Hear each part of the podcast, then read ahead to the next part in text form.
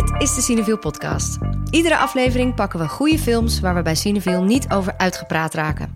Films die gedachten oproepen en anekdotes bovenhalen en die ons weer aan andere films doen denken. Vandaag stappen we in een rode Saab Turbo en hebben we het over Drive My Car. 高槻コーチですアーストロ500を希望します拜托，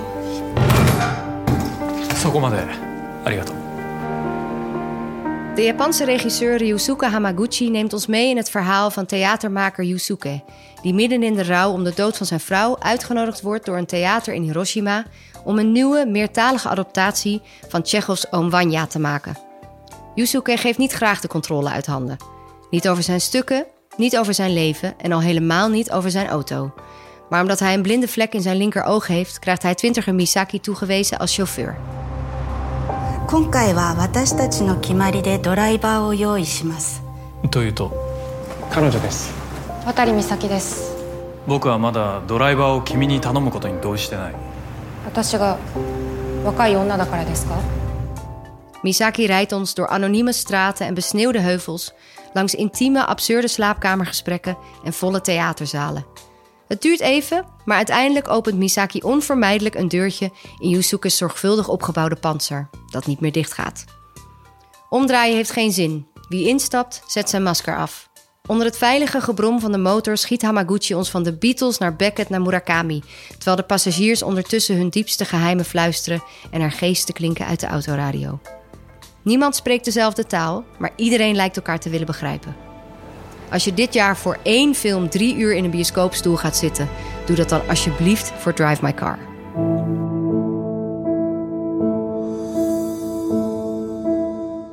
Ik ben Lauren en ik ben redacteur bij Cineview. En naast mij aan tafel zit mijn collega Jente Hallo. en een hele speciale gast... die een totale allesweter is op het gebied van absurdistische verhalen over eenzaamheid... zoals deze, theatermaker en regisseur Anna Verkouteren Jansen. Hallo. Hallo, ik ga je even kort introduceren.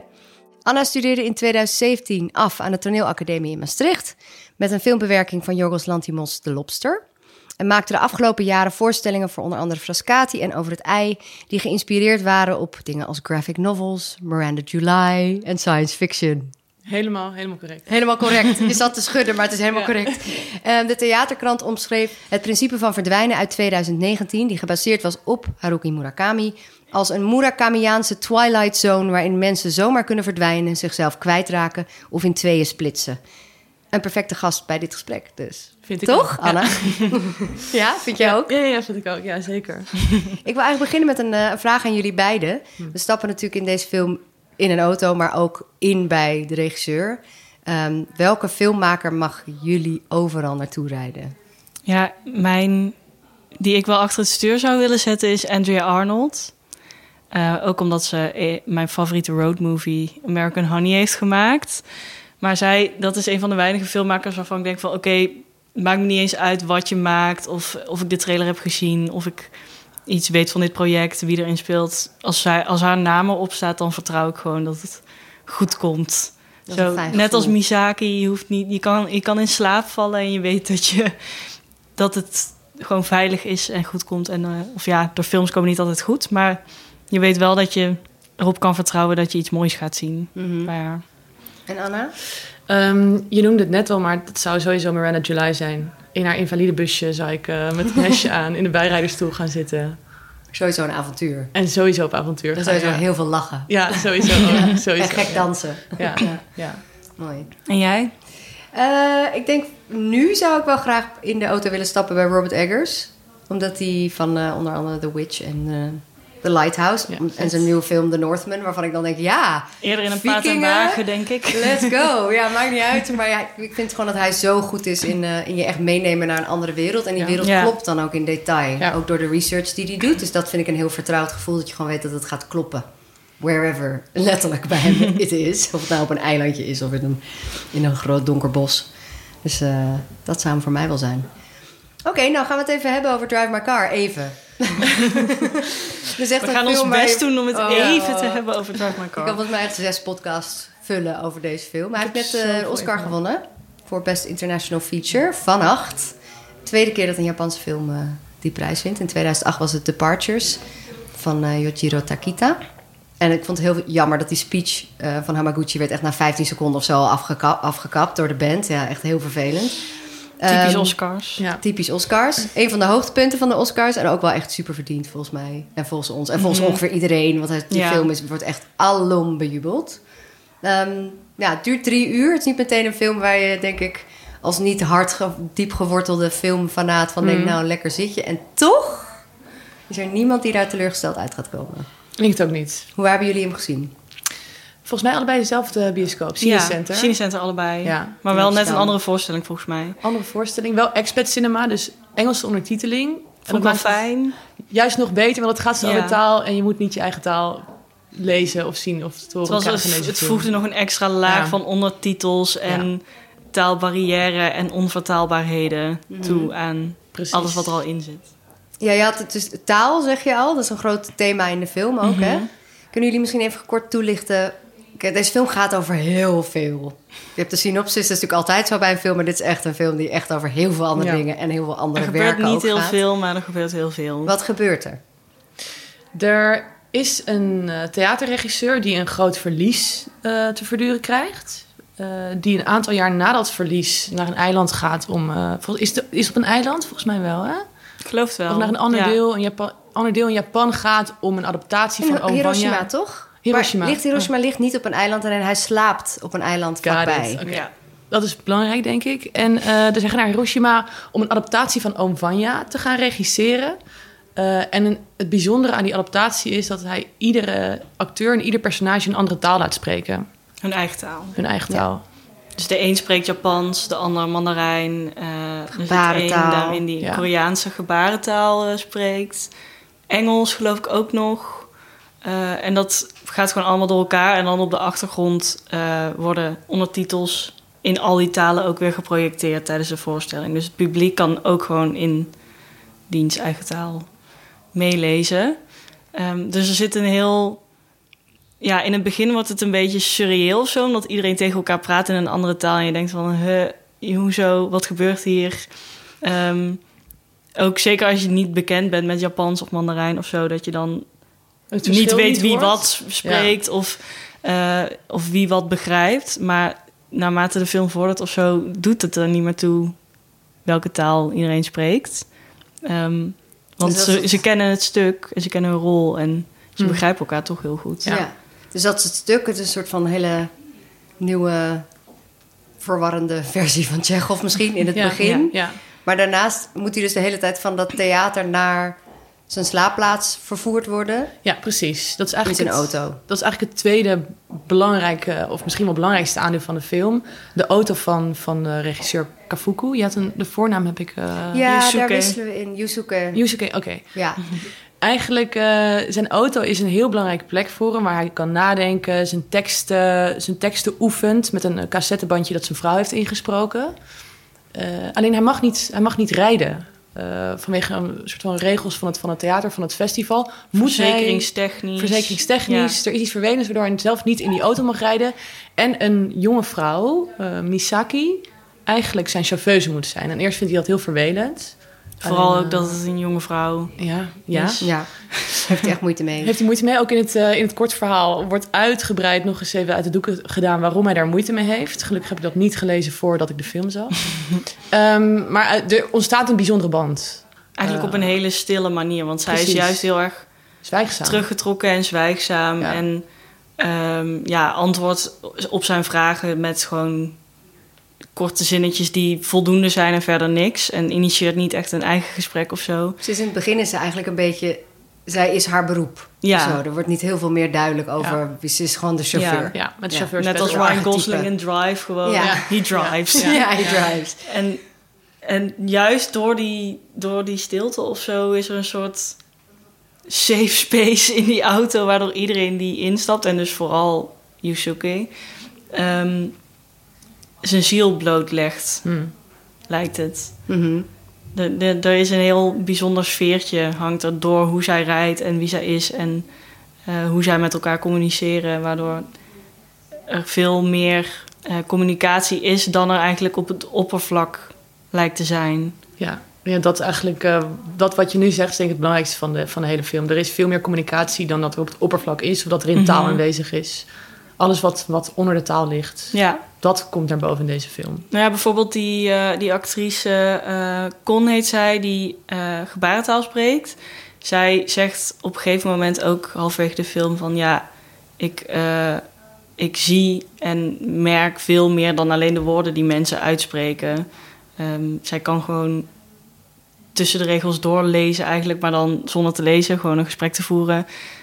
ontdek je veel meer over de bedoelingen en de waarheden en de ideeën van mensen dan alleen met wat ze zeggen. Ja. En dat is in deze film ook... In de film zelf heb je ook die tijd nodig. Toch? En het ontvouwt zich ook zo. Ja, in het begin ja. kan je misschien nog net niet tussen de regels doorlezen. En je Ja. gaat zelf als kijker ook aan het eind steeds meer begrijpen. En alles valt samen. En je denkt, wauw, wat- je hebt me helemaal klaargestoomd eigenlijk al de eerste... Precies. Bijvoorbeeld de credits komen pas na 40 minuten of zo. Ja, Maar dan iemand op Letterboxd natuurlijk ook meteen zegt... Well, you know a movie's gonna be good if the credits don't start till 40 minutes in. Maar je wordt er heel langzaam ook zelf... eh, ga je een beetje mee op die reis eigenlijk met hun, hè? Mhm. En ehm, ja, ik heb heel weinig van Hamaguchi gezien. Jullie wel? Dit is de enige film. Ja. Same. Maar nu wil ik alles eerste, kijken. Ja, precies. Ja, toch? Ja. Hij heeft negen features gemaakt al. Hij is bezig met een tiende nu. Vier documentaires. En zijn andere film van vorig jaar, Wheel of Fortune and Fantasy... gaat trouwens ook deze zomer uit. Is misschien wel leuk voor mensen die meer van hem willen weten. Maar het schijnt dat hij dus wel vaker gesprekken in auto's... als een soort leidraad gebruikt. Hij heeft bijvoorbeeld gesprek in gezegd... auto's. Ja, you love gesprekken in auto's. Ja, hij heeft gezegd... I think the inside of a car is a very good environment... for intimate conversations. Precies. Ja, dat is ook helemaal waar. Modern biechthoekje. Ja, Ja, echt een modern biechthokje. Want er moet één iemand recht naar voren kijken. Alsof er een gordijn tussen jullie in zit. Eh, en dan kan je gewoon er tegenaan blijven praten... zonder dat diegene je recht in de ogen aankijkt. Ja. Veel... Er is een soort afstand, ook al zit je heel dicht op elkaar. Ja. En het werkt mooi op beeld natuurlijk ook. Sowieso. Er zit een heel mooi shot in dat ze alle samen hun hand uit het topraampje steken om te gaan roken. Ik doe het meteen, doe het na. Ik zie jullie kijken naar me aan. Ja. Zo'n sigaret. Nee, dat shot is al meteen, dat gaat, dat gaat eh, de geschiedenis in. Iedereen, Ja. gaat dat, we- iedereen gaat het weten en kennen dat ze de film gezien hebben. Echt zoiets wat je de achtergrond van je computer wil Ja, maken. ja, ja, ja, ja, precies. En wat ook wel heel grappig is, is dat Toko Miura, die dus Misaki speelt, die had helemaal geen rijbewijs Ja. toen ze gecast werd. Terwijl die hele film draait om wat een geweldige chauffeur zij is. en ze doet het ook op een manier op scherm dat je denkt, ja, Alsof dit ze ziet dit al honderd Ik jaar wil heel graag bij jou op de achterbank zitten, weet je wel, heel chill. Ja, en Hamaguchi zelf rijdt überhaupt geen auto. Wat ik ook een heel grappig gegeven vind als je films maakt die zich daarin afspelen. Ja, maar jullie zeiden net ook al, eh film is gebaseerd op een boek van ehm, Haruki Murakami, of een kort verhaal eigenlijk, hè? Ja. Ja. Eigenlijk drie. Maar het belangrijkste is de gelijknamige, het lijk- gelijknamige kort verhaal. Drive My Car dus. Ehm, als ik nu even zit te denken... Hij heeft eigenlijk dus gewoon... Ook Scheherazade is ook een kort verhaal waaruit hij Ja. heeft gebaseerd Dus zeg maar- in kino. Drive My Car het is het korte verhaal waarop het plot soort van Ja. rust. Dat gaat echt over een theaterregisseur die bij een eh chauffeuse instapt en hun gesprekken daarover. Ja. En ook eh, er zit een soort van subplot in dat hij eh, met de, hoe zeg je dat? Maîtresse, maar dan een man. Minnaar. Minnaar. Van, wat erg dat dit zo'n soort van, van mooi woord. breinkronkel wordt. Eh, zegt veel over dit woord ook. Maar goed, hij eh, wil bevriend raken met een minnaar van zijn vrouw. Omdat hij wil begrijpen van wat mist er dan in mij. Dat je bij andere mannen zoekt en zo. Ehm, maar dan heeft de film nog een soort van eh openingsscène. Die dus 40 minuten... Ja, daarna komen nog andere dingen. Maar een, een soort proloog. ehm, die is dan weer gebaseerd op Ja, Scheherazade. ja, precies. Wat soort van uit 1001 Nacht een beetje gekopieerd is over een vrouw die tijdens de seksverhalen, of eigenlijk na de seksverhalen aan haar minnaar vertelt. Ehm, en Kino is dan nog een derde verhaal over een, eh, een barman en de mensen die bij hem soort van in de bar langskomen. En dat is ook meer soort van thematisch erin verwerkt, niet heel letterlijk. Ehm, maar er zit nog heel veel meer in. Er zit ook nog heel veel Chekhov in. En eh, jij had het ook, eh, Anne, over Beckett. Ja, klopt. Dus het is een soort van bijeengeraapt zootje... wat dan heel mooi bij elkaar komt eigenlijk. Verwijzing Natuurlijk, naar verwijzing ja. naar verwijzing. Verhaal naar verhaal. en die ja. korte verhalen van Murakami komen wel allemaal uit één bundel... die ook, eh Men Without Women is dat... die, die sluiten ook allemaal thematisch op elkaar aan. Dat gaat allemaal over mannen die een soort van op een manier een vrouw zijn verloren in hun leven. En de synopsis op Wikipedia is dan either to death or other men. Wat heel fascinerend is. Ik heb een soort van haat-liefde verhouding met Murakami. Maar ehm, er was één review van Drive My Car van IndieWire die het soort van goed samenvat, vond ik. Eh, die schreef van... Uh, in the brief and uneven history of Murakami adaptations has taught us anything is that the sensually aloof solipsism of his writing is best interpreted by people who aren't afraid to impose their own will on it. Hm. Dus niet te letterlijk. Dus niet Ja. te letterlijk, die ook gewoon, ja, eh, Hamaguchi, maar ook eh, Lee Chang-dong bij Burning, die hebben gewoon de thematiek en de emoties en de, de mooiste dingen uit de verhalen geplukt. En alle dingen die ik irritant vind weggelaten. Welke dingen zijn dat? nou, bijvoorbeeld Drive My Car begint... Het is geschreven vanuit het perspectief van Yusuke. Dus je kan ook denken, ja, misschien is hij gewoon een stom personage. Maar het begint met een soort pagina-lange eh, monoloog over... Er zijn twee soorten vrouwen die achter het stuur zitten. Ze zijn of te agressief of te timide. En dat gaat dan maar door, gaat dan maar door, gaat dan maar door. Ehm, en Murakami heeft ook een soort van habit van eh, vrouwelijke personages die eigenlijk alleen maar dienen als een soort van karakterontwikkeling van zijn Ja. mannelijke personages. Hij heeft heel veel Manic Pixie Dream Girls inderdaad erin Ja. zitten. En ehm, ondertussen dweept hij ook heel erg met zijn kennis van literatuur en klassieke Ja. muziek. En dat moeten we allemaal meelezen. En het is heel fijn dat dat wordt weggelaten. Ja, precies. Ja, dweept ja, daarmee, ja, ja, ja. ja. En in, eh, in Drive My Car zit een stukje waarin eh, Yusuke eh, Misaki beschrijft. En dan, ja, he makes it weird. Hij zegt dan bijvoorbeeld gewoon... Beneath the white long sleeve t-shirt, under her jacket... he could see her larger than average breasts.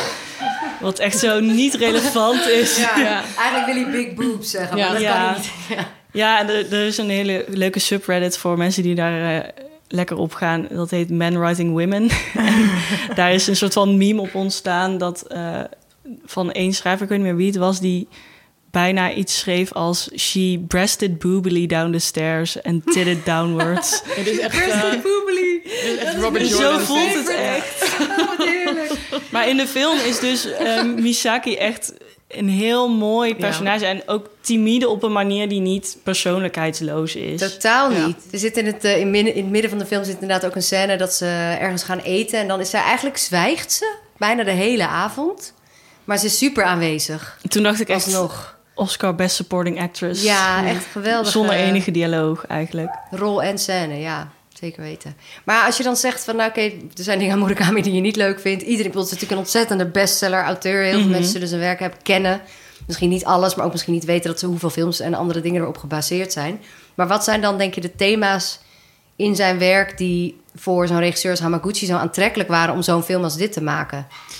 Ik denk, ehm, als ik meteen kijk naar dat Hamaguchi eh, heel graag met sowieso dus eh, gesprek in auto's leuk vindt, maar ook het graag over performance heeft, over het theater. En dat is een heel groot, dat is een heel groot eh, onderdeel in het verhaal van Drive My Car natuurlijk. De maskers die we dragen in het allerlaagste leven, hoe we elkaar nooit echt kunnen kennen. En de, eigenlijk, ja, eigenlijk het spel dat we het he- Ja, de hele dag door speelt ja, in het precies. leven. Dat is gewoon dat is een heel belangrijk aandeel.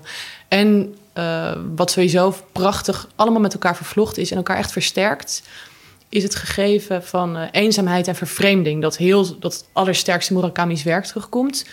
Ook in deze filmregisseur, ook bij het werk van Chekhov en ook de kern is van het werk van Beckett. En een soort van al deze beïnvloeden in de hele film en al deze verhalen daarin. en invloedssferen, dat is gewoon dat versterkt elkaar zo heftig. Ja. Dat is echt fantastisch. Ja, want je noemt Chekhov inderdaad ook al. En ik bedoel, in dat korte verhaal van Murakami wordt heel kort even Angolwanja aangestipt. even maar ja. that's it. Ja, En dan pakt Hamaguchi dat eruit om vervolgens Chekhov een veel grotere rol in dit verhaal te geven. Ja, ja, een heel belangrijk aandeel. En eh, ik begrijp het totaal. Ehm Want waar gaat voor de mensen die Chekhov en Angolanja niet kennen, waar, waar gaat het over? Chekhov en Omwanja in speciaal gaat over... ehm, dat, is, dat is ten eerste eh, klassiek theater is dit. Dus je hebt het over het eh, 1900 ongeveer. eh, de eeuw van Stanislavski en zo. Eh, Mochten mensen dat kennen, misschien niet. Chekhov is zijn eigenlijk heel beroemde toneelstukken... over mensen die vastzitten, spijt hebben, terugkijken op hun leven... en met, vol met lethargie eigenlijk toch maar te- tegen beter weten in blijven dromen over een, betere, over een betere toekomst. En toch weer vastzitten. Ja. En toch weer dromen en toch weer vast blijven En zitten. ook weten hoe pijnlijk het is om te dromen en dan weer vast te gaan zitten. Dat. En dat dan toch blijven doen. Mensen die stilstaan, dat is heel belangrijk. En dat is eh, de kern eigenlijk ook van Oom Wanja. Is ook iemand die stilstaat, die spijt heeft van, eh, van keuzes die hij eerder heeft gemaakt in zijn leven. En op zoek is naar antwoorden. En Kafuku is precies eigenlijk dat persoon. Die, eh, die ook eh, in het boek wordt ook echt aangehaald dat hij... eh, hij is regisseur en acteur. En hij acteert eigenlijk om waarachtigheid te vinden in zichzelf en in de ander. En iedere keer als hij klaar is met het spelen, met het acteren... zet hij zijn masker af om terug te keren in een net veranderde wereld. En eigenlijk deze hele film eh, volgt Kafuku die het masker niet meer durft op te zetten. Hij durft niet meer te acteren, want hij durft niet meer die waarachtigheid te vinden... die je vindt in het spel en in ja, durft eigenlijk niet meer naar zichzelf te kijken. Precies, en In dat het- is eigenlijk wat we nu volgen in de film. En misschien nog wel een belangrijkere overeenkomst tussen dan Beckett en Chekhov en Murakami en de regisseur van de film, ehm, is dat ondanks dat de realiteit shit is, eh, of dat iedereen maar aan het zoeken is of vast blijft houden aan het verleden, dat we verhalen en, en, en fantasie nodig hebben om hoop te vinden in het leven. En dat is eigenlijk continu, wordt, is de hele film ervan doorspekt. Dat iedereen blijft dromen en blijft hopen tegen beter weten in. En ik denk dat dat eh, toch wel het belangrijkste aandeel van de, van de film is. In het verhaal is dat ook nog veel le- meer letterlijk eh, aanwezig. Dan, dan Ja, zegt, ja. vertelt hij echt van ik speel omdat je dan tijdelijk een rol op je kan nemen. En vooral ook omdat je die weer kunt afzetten en dan ben je weer terug bij jezelf. Ehm, maar dat als hij Chekhov speelt, dan weet hij dat hij daarna nooit meer naar dezelfde ik terug kan komen. Dus dat durft hij eigenlijk niet zo goed. Hij Ja. vindt Ja. het heel eng om die rol te spelen. Hij zegt eigenlijk, Tsjechov is verschrikkelijk, zegt Ja. hij toch? Want het Ja. doet gewoon te veel pijn Ja, op een bepaalde manier om dat te moeten spelen. Is dat iets wat je vanuit theater zo, wat, is dat herkenbaar? Is dat een soort bekend gegeven? Dat Tsjechov een soort vloek is voor acteurs? Nee, ik denk dat Chekhov juist heel favoriet is bij acteurs. Ehm, iedereen wil dat spelen, want dat, soort- dat is de rol van je leven. Want iedereen weet, Chekhov gaat over subtekst. En subtekst gaat over wat we echt willen communiceren met de Mhm. mensen. En dan kan je lekker los met je acteren. Helemaal los je ware emotie laten zien. Dit is wat, eh, wat de echt de menselijke conditie, dat is wat Chekhov oproept. Ja. Ja. elke acteur wil daar lekker mee kunnen shinen. Ja. Ja, Want uh, wanneer- Wanja wordt ook wel meerdere keren per ja joh. Ja, jaar. ja, of, Continu. eh, is continu. overal. Dus als je een keer erheen wil, take your pick eigenlijk. Take your pick. Beckett gaat bijzonderder zijn, want er zit nog steeds superveel copyright eigenlijk op zijn werk. is nog steeds niet vrijgegeven. En er zijn heel strenge regels rondom eh, het werk van Beckett. Maar over een jaar of 50, 60, dan gaat er volgens mij een soort van boom komen... dat er eindelijk overal Beckett opgevoerd mag worden. Ah. En dan gaat de wereld echt Dat kunnen is een genieten. Ierse schrijver. Toch even helemaal terug naar, Ja, naar ja. de... Want die, en, en van hem zit ook een stuk in Drive My Car. Er zit echt van alles nog. Er Ik wil- je kan in, echt ja. de, referenties nog een goede lijst van gaan maken. Ja, Beethoven, Duizend en een Nacht. Ik weet niet of in het boek ook Beckett terugkomt... maar de film start heel duidelijk met een scène uit Wachten op Godot... het beroemdste toneelstuk van Beckett. En dan de beroemde woorden... I can't go on, I will go on. Ja, dat is Ehm, super mooi. Dat is super mooi. Het is zo mooi. Er zit zo... Oh, ik krijg bijna helemaal Ja. kipvel om erover Ja, praten. ja, ja, ja. Want je hebt op een gegeven moment ook zo'n shot... dan zie je het wieldop van de auto is aan het draaien... en de Ja. cassettebandjes Ja. die ze binnen afspelen zijn aan het draaien... en dan eindigt en begint het hetzelfde in ik deze filmmaker. Ja. Het is gewoon een perfecte film. Alles is verbonden. En, Ja. ja. ja, ja, Ja, Eigenlijk een perfecte film, ja. Je, je krijgt bijna nooit een film van drie uur waarin je niks hebt waar je achteraf van kunt zeggen dat het overbodig is. Maar dat is dus bij Drive My Car wel. Dat ook de tijd die er genomen wordt gewoon van toegevoegde waarde is. Ja. Ik had in dezelfde week The Batman gezien, die ik ook heel leuk vond. Die ook drie, die ook half drie uur duurde.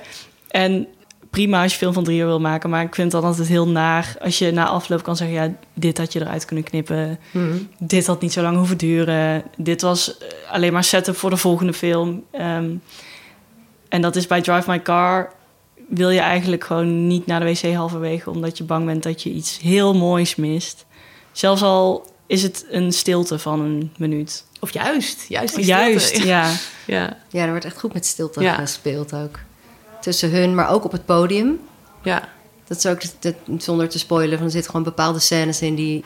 Wat ik bijvoorbeeld... Nou ja, oké, we, we, we hebben, we hebben ook... ehm, Jent en ik hebben het ook wel eens gehad over dat wij allebei denken dat wij toneel of theater, dat dat niks voor ons is. en ik moet zeggen dat ik deels door Drive My Car daar weer helemaal, ik kom Ja. daar één keer in zoveel jaar, kom ik daar sowieso op terug. En dan, en dan komt het vooroordeel, dat wringt zich weer als een soort Ja. ding aan me op. Maar ik merk wel dat na Drive My Car en vooral de manier waarop dat theater daar een plek krijgt op film. Maar het is alsof je erbij bent ook af en toe. Want dat stuk wordt natuurlijk ook opgevoerd. En dat is, wordt zo ontzettend mooi gedaan. Ook dus met complete stiltes. Dus dan krijg je een soort... Je zit dus naar een theaterstuk waar niet in wordt gesproken... of waar met gebarentaal in wordt gesproken soms. Daarnaar te kijken vanuit een filmzaal... en vanuit de repetitieruimte waar dan die acteurs ook in zitten...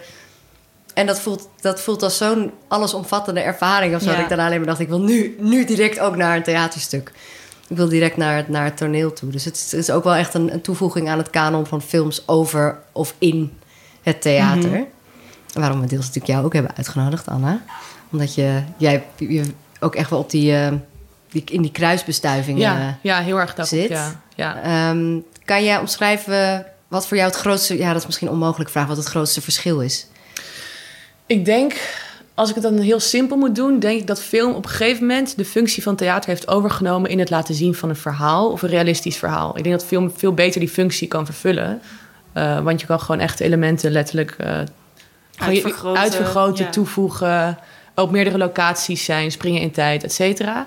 Ehm, dat is film voor mij. Dus de immersie in een echt een andere wereld, dat kan film heel goed doen. En theater is eigenlijk, eh, vooral sinds Beckett eigenlijk, een veel andere, een andere kant opgegaan. En dat is het laten zien van een idee. En heel erg de abstractie van een idee laten zien. En de kern daarvan laten zien. Ehm, Minder letterlijk misschien. minder film. letterlijk, maar juist een idee of een gevoel overbrengen. En dan heel erg je richten op de performativiteit van iets. En de performativiteit van iets betekent gewoon letterlijk... wij zijn hier met z'n allen in één ruimte... en we gaan op dit moment, op deze plek... met z'n allen iets laten ontstaan. En dat Ja. kan film niet. En dat kan theater Een wel. soort van theater geeft al door theater te zijn toe dat er een rol gespeeld wordt of zo. Zeg maar dat, dat er een performance plaatsvindt.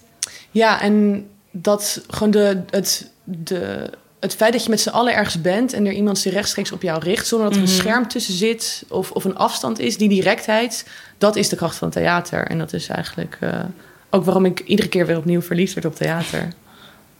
En, en waarom heb je er dan bijvoorbeeld toen je voor je afstudeervoorstelling dan iets met de lobster ging doen? Hoe komen die twee dingen dan voor jou samen? Ja, dat is nog steeds een soort van onderzoek, maar ik denk. eh, sowieso, film en theater hebben elkaar gewoon vanaf het begin altijd compleet beïnvloed. En die kruisbestuiving is nog steeds heel erg aan de hand. En waarom ik de Lobster toch heb gekozen om op theater te zetten, is omdat in die film mensen de hele tijd eh, toneel aan het spelen zijn. Dus de hele film gaat over mensen die, die een masker op hebben en ze hun ware ik moeten verbergen. En er zit van alles onder te sluimeren, eh, van enorm verlangen naar extreme angst. En ik ben nog steeds. eh, ik, ben, ik ben er nog steeds ook niet uit. Wat in die film zo super interessant is, is het spel van die mensen. Deadpan is niet eens voldoende om te Nee, omschrijven. het is echt hoe superlatieve afstandelijk- deadpan. Ja. Hoe afstandelijk ze zich gedragen naar elkaar. Ja. En ik heb nog steeds niet doorgrond wat dat is, maar ik heb nog nooit zoiets interessants Nee. gezien. I'm not going to be turned into some animal. I'll come and visit you, though, with my partner. When we're walking together in some park, or when we're swimming in the sea, or when we're on one of our trips. Dus ik heb geprobeerd dat aan te raken, Ja. maar het is niet zo goed als de film geworden. Het is eigenlijk een beetje hetzelfde in de Lobster als wat eh ehm, Yusuke tijdens zijn repetities van zijn Totaal acteurs dat. vraagt. Totaal dat, ja. Dat hij, hij wil graag dat ze echt honderden keren het script voorlezen met elkaar, maar zonder enige emotie en zonder Ja. ehm, puur de tekst. iets toe te voegen, puur de tekst. En waarom doet hij dat? Nou, leuk dat je het vraagt. Want, ehm, Hamaguchi heeft zelf eigenlijk zijn manier van regisseren omschreven in interviews. En die is bijna hetzelfde als wat Yuzuke doet. Ehm, want hij zegt dat hij eh, wel heel erg scripted te werk gaat. Hij heeft altijd een script klaar en de, de dialogen zijn er. Ehm, maar dat de emoties eigenlijk zoveel mogelijk eh, geïmproviseerd zijn. En hij vraagt dus ook van zijn acteurs dat ze het script heel vaak lezen voordat ze gaan filmen. Zodat ze echt de tekst hebben en ze die gewoon een soort van blindelings kunnen, zoals je een liedje meezingt onder de douche, kunnen eh, ja, uitspreken. En dan wanneer je gaat filmen, dan zeg je het en dan besef je ineens wat de implicatie is van wat je zegt. En dan komen de emoties dus vrij. Ehm, dus hij, hij wil net als Yusuke eigenlijk nog geen... Ja, een soort Jorgos Lantimos performance tijdens de repetities. En dan zijn de emoties die tijdens het filmen ehm, ja, opkomen eigenlijk heel vers en heel rauw en heel eh, verrassend soms ook. Dat je, ja, daar wordt het ook heel menselijk van, denk ik. Want er zijn bijvoorbeeld ook, er is één scène eh, in de auto waarin een van de acteurs uit het stuk ehm, ja, een kleine monoloog houdt over het leven en waarheden en mensen kennen en zo. En als je, eh, dat is ook een van de weinige stukken tekst die hij letterlijk van Murakami heeft overgenomen. En als je dat op papier leest, dan denk je, ja, het is eigenlijk een beetje clichématig en een beetje. ehm, ja, dingen die je eigenlijk al tien keer hebt gehoord, maar dan net even anders verwoord. Over, over dat je nooit een ander echt kunt zien. En eh, een beetje pretentieus. Maar als je die scène kijkt en die acteur het ziet uitspreken, dan denk je: dit personage gelooft echt dat dit de kern van het leven is. En dit is zijn waarheid. En het is niet. Hij wil hier niet laten zien hoe intelligent hij is of hoe eh, wijs hij het leven doorziet. Maar hij is nu gewoon puur uit zijn hart aan het vertellen wat hij gelooft. En dat is een van die momenten waarop het dus heel verrassend wordt wat er met het script gebeurt als je op zo'n manier gaat filmen, denk ik. Dat is wel een heel mooi gegeven. ik vond sowieso ook dat de, de lagen van tekst en communicatie in de film... en dan de parallellen die er dan ontstaan met het stuk... met bijvoorbeeld dus het feit dat ze allemaal die brontekst aan elkaar moeten voorlezen... en elkaar waarschijnlijk daarin dan niet verstaan... of niet verstaan, want ze spreken allemaal een andere taal... dat dat ook waarschijnlijk bij de repetities van de film zo is gelopen... want die acteurs Ja. spreken ook niet allemaal elkaars taal... Dus het wordt gewoon één grote Babylonische ja, een soort van realiteit, wat je op het scherm Ja. ziet, jijzelf. Ja, nou, ik vond de, en trouwens die monoloog daarin zegt hij eigenlijk ook... niet alleen kan je, je kan elkaar niet kennen, maar dat is eigenlijk niet zo erg. Want, het, de, want de kant die je kent is wel Is echt. genoeg en echt. Ja, en Ja. is oprecht. Ja. Dus je hoeft nooit te twijfelen aan iemands intenties... als je niet al Ja. die andere maskers ook allemaal simultaan te zien Ja. krijgt, zeg maar. Dat is natuurlijk een hele mooie, ontroerende gedachte eigenlijk. En zeg maar, die manier van theater maken, is dat ook hoe jij zou regisseren? Nou, wat ik eigenlijk het allermooiste vond, was het begin van de repetities in de film, waarbij iedereen het als een totale robot zijn tekst opleest. Omdat ik toen het, het meest van, van, van, van de hele film de complete afstand eh, en isolatie voelde tussen alle mensen. En dat vond ik super ontroerend. En eigenlijk soort van is dat ook hoe ik tekst bijna altijd inzet. Als ik al mensen laat spreken op het podium, want normaal splits ik het altijd op. Dan zet ik altijd een super grote vervreemding in. Als ik al mensen laat spreken op het podium, laat ik het bijna even houterig zijn als in de Lobster. Omdat ik het zo mooi vind dat mensen elkaar niet kunnen bereiken. En dat taal gewoon een soort van brug is tussen ons, maar nooit voldoende gaat zijn om echt bij de ander te komen. Dat Ja, vind ik genoeg. altijd, eh, ja. En bovendien heb je dan ook een conflict of een brug die, over, die, Ja, die je over moet, ja. zeg maar. Dus je hoopt dan ook dat dat gaat lukken. Ja, en dan, eh, te lijkt het ook werken. spannender. Ja, Ja, precies. en dan kan er veel meer in stilte en met lichaamstaal worden, worden opgelost. Ja. Zou je ook film willen maken? Uiteindelijk wel, want eh, over twintig jaar ben ik Miranda July. Oh ja, fun fact. Dat is jouw, fact. jouw plan. Dat is het Ja, plan. ja. En dat, eh, Zit je niet meer bij haar in de auto, maar achter het stuur. Precies, Ja. dan ben ik gewoon langzaam naar Miranda to- July toegemorfd. Ehm maar ik heb wel een soort van echt hernieuwde liefde voor theater gekregen. Ook tijdens corona. En alles is digitaal aan het worden. En ik merk gewoon nog meer hoe extreem grote kracht is... voor met z'n allen in één ruimte zijn. Ook, Ja, ook- ook omdat het ja. zo niet werkte misschien om het online te doen. Totaal. Niet? Dat dat ja, van, dit werkt. We hebben, er ja. zijn natuurlijk heel veel pogingen gedaan. Er zijn Moesten veel pogingen wel, maar- gedaan, maar de kracht, van, de kracht van het hier en nu... dat is echt een soort van... eh, Ja. ik ben helemaal opnieuw verliefd daarop geworden, ja. Nou ja, je hebt, toen we het vorige week met elkaar spraken, zei ook de beste filmregisseurs komen uit het theater. Ja. Wat best een, best een uitspraak is Ja. en een leuke ook. Maar dat is inderdaad, als je zegt van nou, over twintig jaar wil ik ook films maken, dan kan je dat ook bewijzen. Je zegt, zie je wel? Ja. Nee, dat is ook grappig, want ik heb een gigantische lijst van ont- ontzettend goede filmregisseurs die uit het theater komen. Dus ik heb eh, goed bewijsmateriaal, maar tegelijkertijd, dit zijn ook de succesverhalen. ja. Dus, Ja. Wie zijn dat bijvoorbeeld? nou, ik ga even dan beginnen bij de allereerste. Begin bij de A. Nou, ik begin bij Sergei Eisenstein. De, Oh ja. de, de geestelijk vader van montagecinema. Dat is al helemaal te gek, dat die uit het theater, toch? Ja, Want je zou denken dat montage weer een heel Toch? andere... Dat is echt een film. Dat is echt een film. Maar hij komt dus van het theater. Ja, mooi. Dat is super interessant. Ja, en, eh, Miranda July natuurlijk. Zij is een performance kunstenaar. Dat doet ze ook nog steeds. eh, Coppola, jongens. eh, Jonathan Glazer, Michael Haneke.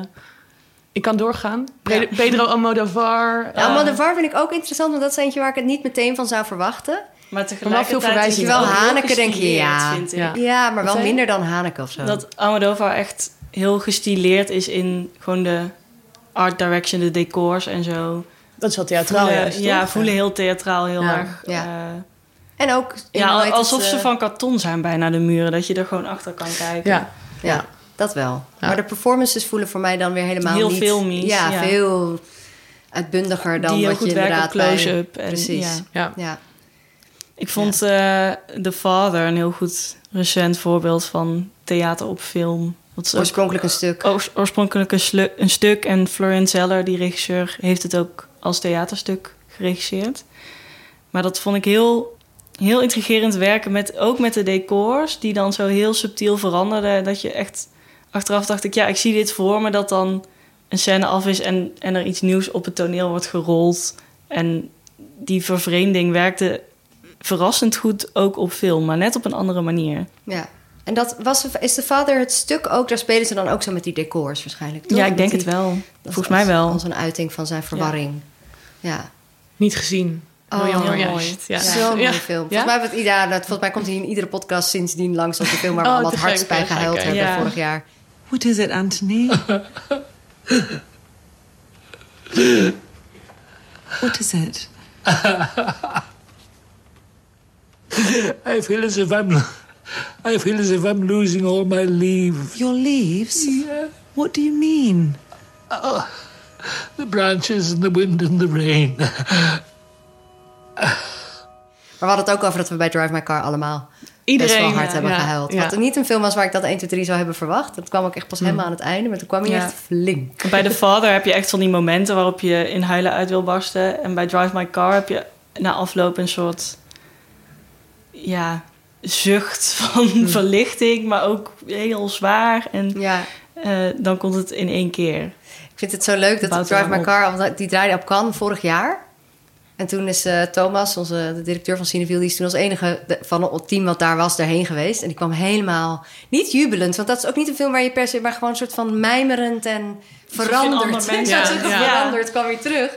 En daarna duurde het super lang voordat wij die allemaal te zien kregen. Maar toen heb ik tussendoor wel een gesprek gehad, ook met een eh, programmeur van een Cineville Theater. En die zei, ja, ik ben gewoon misschien zo'n gek iemand. Ik hou gewoon van, van die drie uur durende eh, Japanse mijmerende films. Toen dacht ik, nou, waarschijnlijk ben je niet de enige. Zeg maar Nee. dat blijkt nu dat eigenlijk iedereen Iedereen houdt. houdt daar nu blijkbaar Ja, van. Ja. iedereen is Ja. daar gewoon fan van. Ja. Heb jij ook een, eh, een voorbeeld van... Ik bedoel, je hebt natuurlijk heel veel verschillende soorten theater en film Hmm. dat samenkomt. Een film die de regels van theater volgt. Een film die ooit misschien een stuk was. Een film die gaat over een theatermaker. Hmm. Ja. Is er dan een film waarvan je zegt... Dit is, daar, dit, die doet het het allerbeste. Dit is gewoon mijn Het favoriete. combineren van film en theater. Ja. Mm, even denken. Behalve Drive My Car. Wij, wij hebben gezien, behalve Drive My Car. Nou, eigenlijk heb ik een film... dat ligt niet meteen super voor de hand. En het is een beetje verrassend misschien... maar Gaspar Noé, die maakt hele viscerale films... waarvan je helemaal soort van naar je lichaam toe gaat... en het is een soort van een eh, spirituele ervaring bijna... of zo, die films kijken. Nou, en laat hem nou net geïnspireerd zijn... door een, eh, door een super groot theatermaker. Even kijken, hoe heet hij ook alweer? Oh ja, Artaud heet hij. Eh, die komt uit de cinema. Die is naar het theater toegegaan. Omdat hij verlangde naar gewoon nog meer... dus de soort van... eh, de lichamelijke ervaring of zo van het theater. En die heeft de Cinema of the Body compleet geïnspireerd. Dus wat ik heel vet vind voor het eh, Climax, de laatste film van Gaspar Noé... dat gaat ook gewoon over theater, over dans... en over de uitputting en een soort van het ritueel... dat je met z'n allen kan, kan, kan vinden of zo. En wat ik heel fijn vind aan Gaspar Noé... is dat hij echt dat theatrale gegeven van... dat je je lichaam helemaal voelt... en helemaal meegaat met de uitputting... en met de space eigenlijk van die mensen... dat hij dat gewoon eigenlijk nog sterker doet... dan dat ik in veel voorstellingen meemaak. Door film, Ja. de kracht van film daar vervolgens De bovenop kracht van te film er gooien. bovenop te gooien. Ja. En eh, door letterlijk door iemands ogen te gaan kijken... en een soort van super, super, super subjectieve ervaring neer te zetten. En het inzetten van geluid ook. Ja, enorm. Dat je helemaal verdwijnt.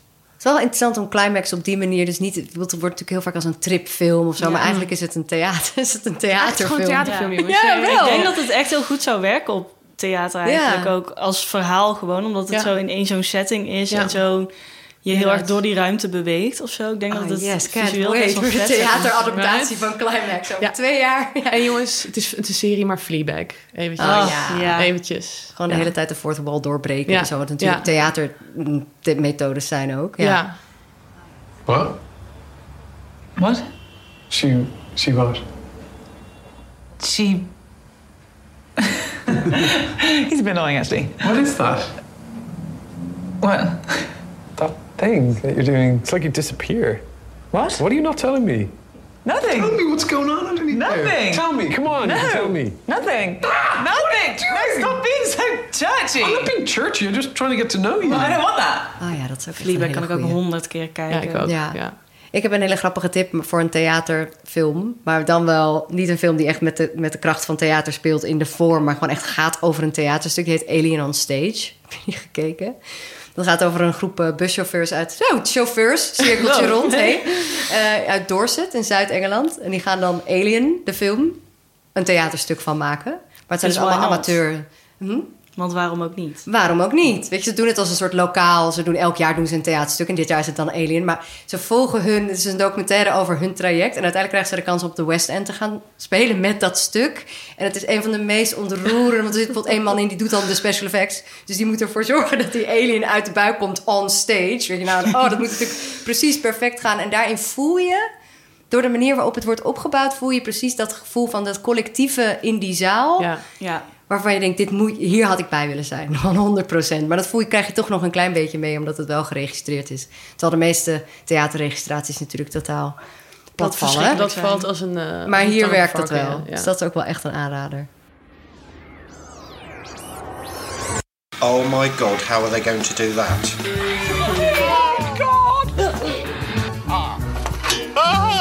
We all thought it was going to be another pantomime. And then somebody came up with this idea. En speaking of eh, aanraders, gaan we het nu even hebben over waar we zin in hebben de komende tijd. Hebben jullie tips waar iedereen naartoe moet in april of mei? Of... Ik heb nog geen tip die ik kan onderbouwen, want ik heb het nog niet gezien. Maar ik kijk heel erg uit naar het vervolg op de film Costa. En het heet Costa met twee uitroeptekens. Eh, wat sowieso, dat is al genoeg reden om erheen te gaan. Eh, en het is weer met, eh, met Katja Schuurman. En ehm, het plot van, eh, het, van de sequel is dat eh, er een nieuw groepje vrienden naar het Spaanse Joret de Mar gaat om de superberoemde club Costa te bezoeken. en die blijkt dan inmiddels een vervallen karaokebarretje. Prachtig. Ik Is- vind, het, ik vind het geweldig. Ja, dat is toch ik heb, geweldig. Ik heb nog nooit echt zoveel zin in gehad. Eh, nee, van eh Jon Karthaus. Is Maar wel het, hetzelfde het productiehuis misschien nog of zo. Eh, dat zou kunnen. Dat weet ik eerlijk gezegd niet. Ehm, Maar is dan Costa 1, was dat met één uitroepteken? Dat was met één uitroepteken. dit Ja. met twee. Ja. Dus de deel 3 krijgt er drie en dan gaan we door. Ja. Ja, En. Pista komt dan ook met eh, dubbel uitgetekend. Die was er ook. Nee, I love onnodige sequels. Het voelt Ja. een beetje als de Nederlandse Mamma Mia, Here We Go Again. Ja, En die vond ik ook fantastisch. Dus Ja. het kan alleen maar goed zijn, dit. 28 april 28 april. komt die uit. Ik heb, eh, ik, heb, ik heb The Northman al genoemd, maar daarnaast heb ik heel veel zin in The Unbearable Weight of Massive Talent. Wat klinkt als een extreem existentialistische, moeilijke film, maar het is een actiefilm waarin Nicolas Cage zichzelf speelt. Oh ja, die wil ik ook En Nicolas Cage is natuurlijk bezig aan een soort renaissance... omdat Pig een hele mooie, ontroerende film was vorig jaar... wat niemand had verwacht, denk ik. En dit schijnt dus ook... Deze heeft dan ook Sundance helemaal plat gespeeld. Mensen vonden hem helemaal geweldig. En ik weet er niks van. En ik wil er ook zo weinig mogelijk van weten. Ik heb er nu al zin in. Nu al zin in. Ja. Waar heb jij zin in? Ik heb zin in Come On, Come On van eh, Mike Mills. Trouwens, volgens mij eh echtgenoot van Miranda July. Dus dat cirkeltje is ook rond. Ja, wauw. Wat zijn we goed bezig, elliptische podcast. Ik heb daar super veel zin in. Ik heb alleen de trailer gekeken en ik was ontroerd. Dus ik kan niet wachten om te zien. Nou, daar hebben we zin in. Er komt superveel aan in april. Alle distributeurs buitelen over elkaar heen... om alles wat er op de stapel lag... na twee jaar stilte en masse uit te brengen. Dus je kunt echt je hart ophalen. En ik was benieuwd, Anna, of er van jou ook iets is momenteel... of iets aankomt waar ehm, iedereen naartoe moet. Ja, ik wacht heel even tot alle films eigenlijk zijn uitgerold dan eh, deze lente. En dan eigenlijk in september, tussen 1 en 11 september... speelt in elk geval in Amsterdam Fringe Festival... eh, voorstelling van mijn Rusty Brown. Dus ik raad zeer aan om iedereen eh, om te komen. Nou, wij gaan het in ieder geval proberen, toch Jente? Zeker. Yay. Oké, dat was hem weer, de Cineview podcast. Drive My Car is nu te zien in Cineview. Hamaguchi's Will of Fortune en Fantasy komt in juni uit. Wil je weten welke films er nog meer ter sprake kwamen? Check dan de show notes op onze website. En wil je op de hoogte blijven van alles wat er speelt? Dan kan je je inschrijven voor de Cineviel nieuwsbrief. Wil je meekletsen of heb je vragen? Dan kan je ons mailen op podcast.cineviel.nl of tweeten via @cinevielpod. Dankjewel voor het luisteren. Dankjewel Jente en Anna voor jullie geweldige bijdrage. Dankjewel, Lauren. Geen probleem. En in april zijn we er weer. Doei. Doei. Doei doei.